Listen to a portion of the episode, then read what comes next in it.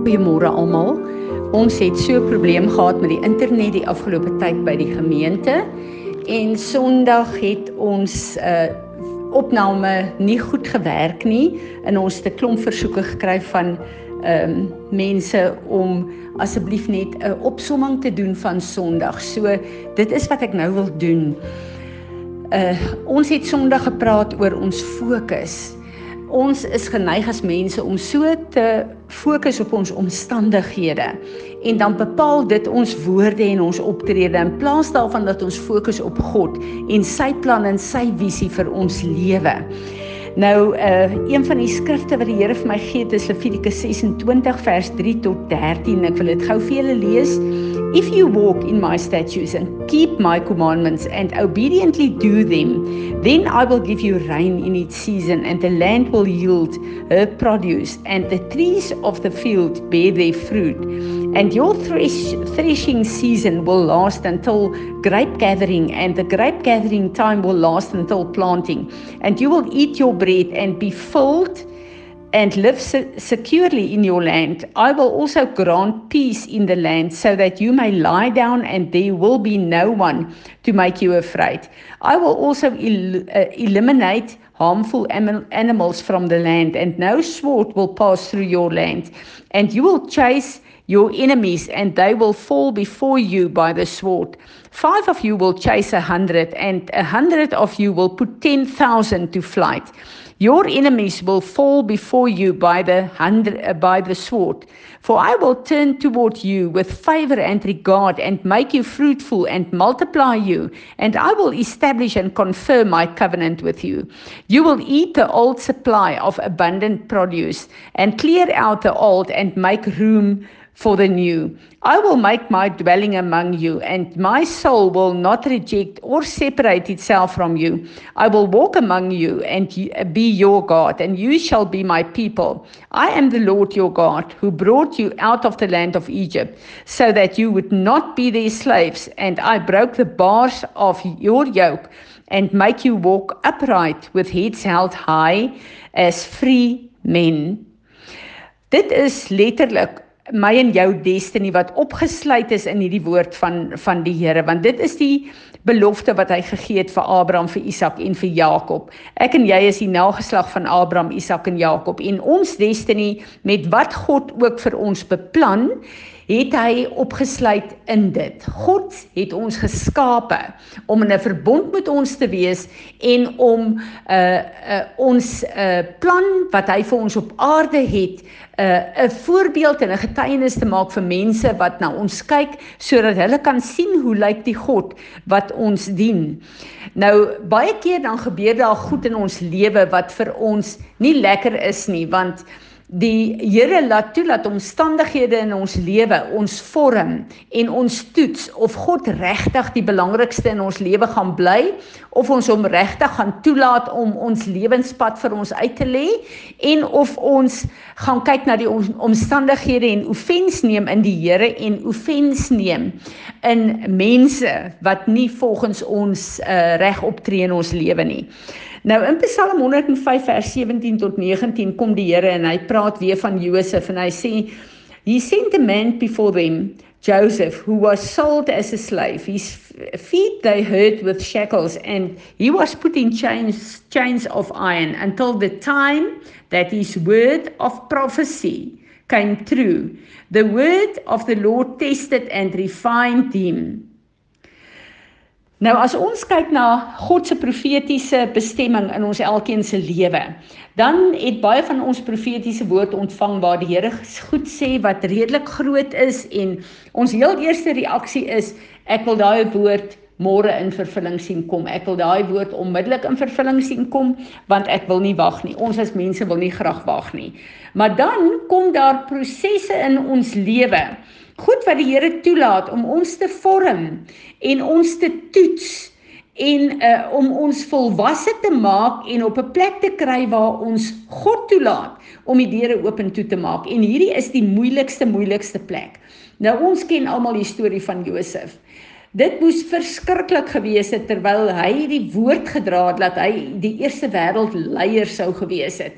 Maar in die proses word hy uh, verkoop. Hy word in die tronk gegooi. Hy word onregverdig behandel. Hy word te nagekom en nie net vir 1 of 2 jaar nie, maar vir jare. Maar elke keer het Josef teruggekom op die plek om te sê ek sal God aan hom vashou. Ek sal nie sondig voor my God nie. En as ons kyk na die tyd, God het 'n perfekte tyd gehad. Al het Josef nie so gedink nie. Ek dink Josef het gedink, asseblief, hoekom laat u dit toe? Hoekom doen u hierdie goed aan my? Waar is u? U kan hierdie goed vir vir 'n uh, 'n uh, 'n uh, laat verdwyn. Maar u kom nie deur vir my nie. Ek is seker dat Josef deur al daai prosesse is, soos wat ek en jy ook oor al ons prosesse is. Maar een van die belangrikste goed wat die woord van God ons leer is om te kyk na God se timing. God het sy perfekte tyd vir goed om te gebeur. En ek het die afgelope tyd gepraat oor Jakob en Esau.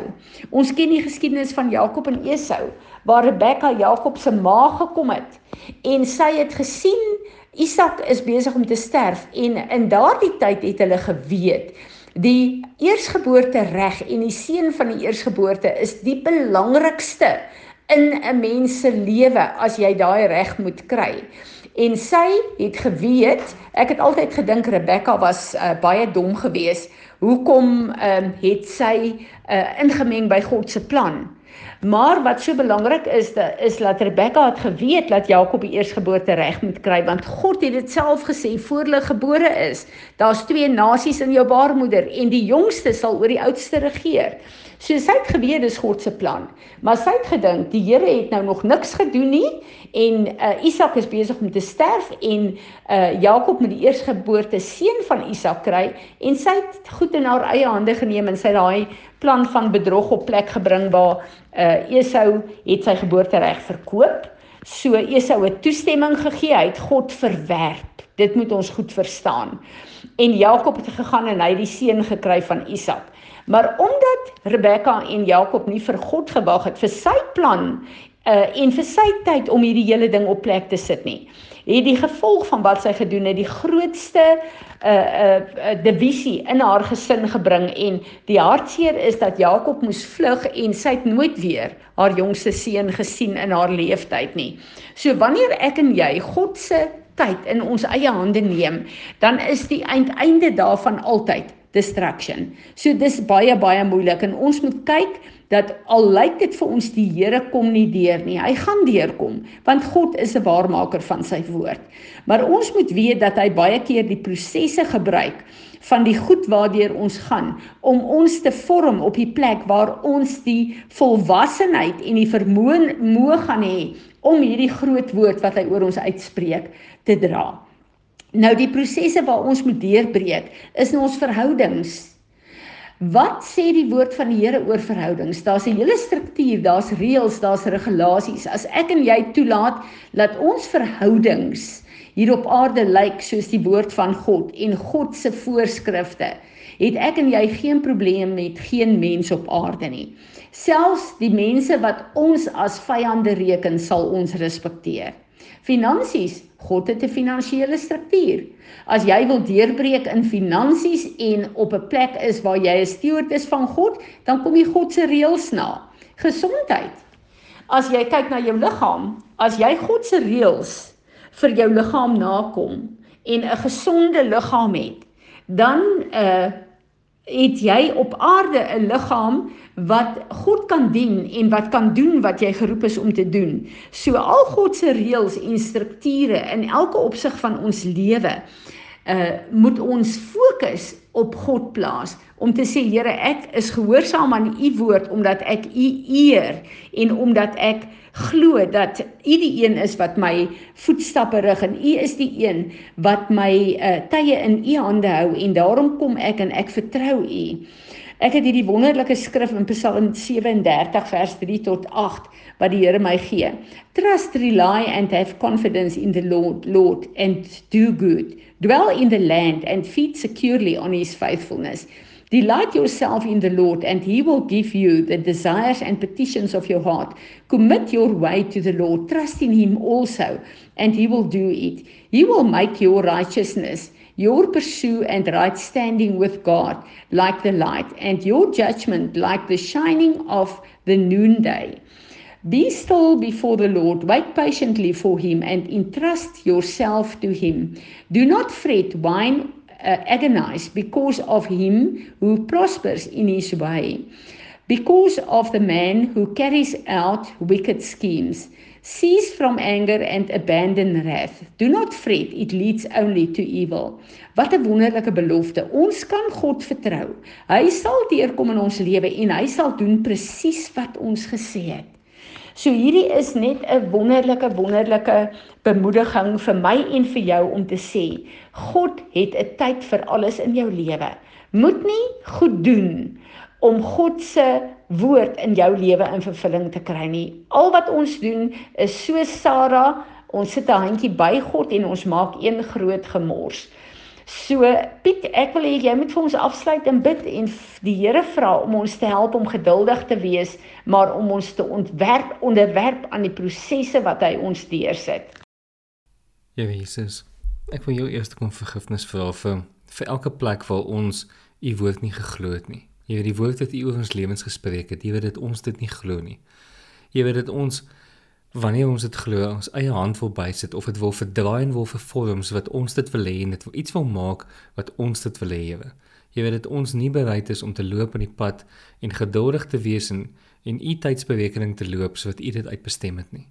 Here vergewe ons vir dit. Vergewe ons dat ons hand wil bysit en dat ons die tyd wil maak sodat ons dit wil maak. Here Jesus, maar ek wil vir u vra om ons toe te maak met u bloed en ons te beskerm elke plek waar die duiwel wil kom steel slag en verwoes.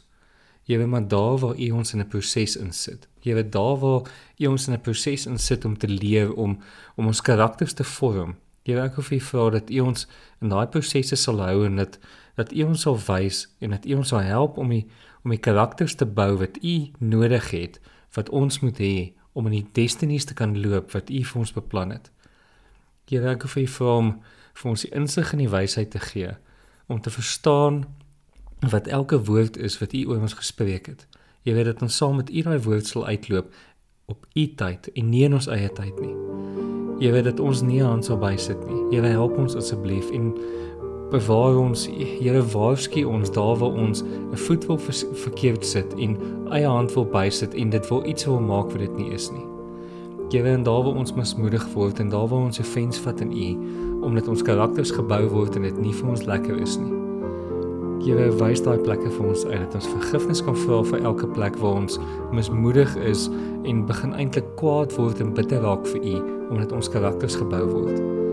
Here gee vir ons die genade om aan deur te gaan sodat ons karakters gevorm word in U wil, Here.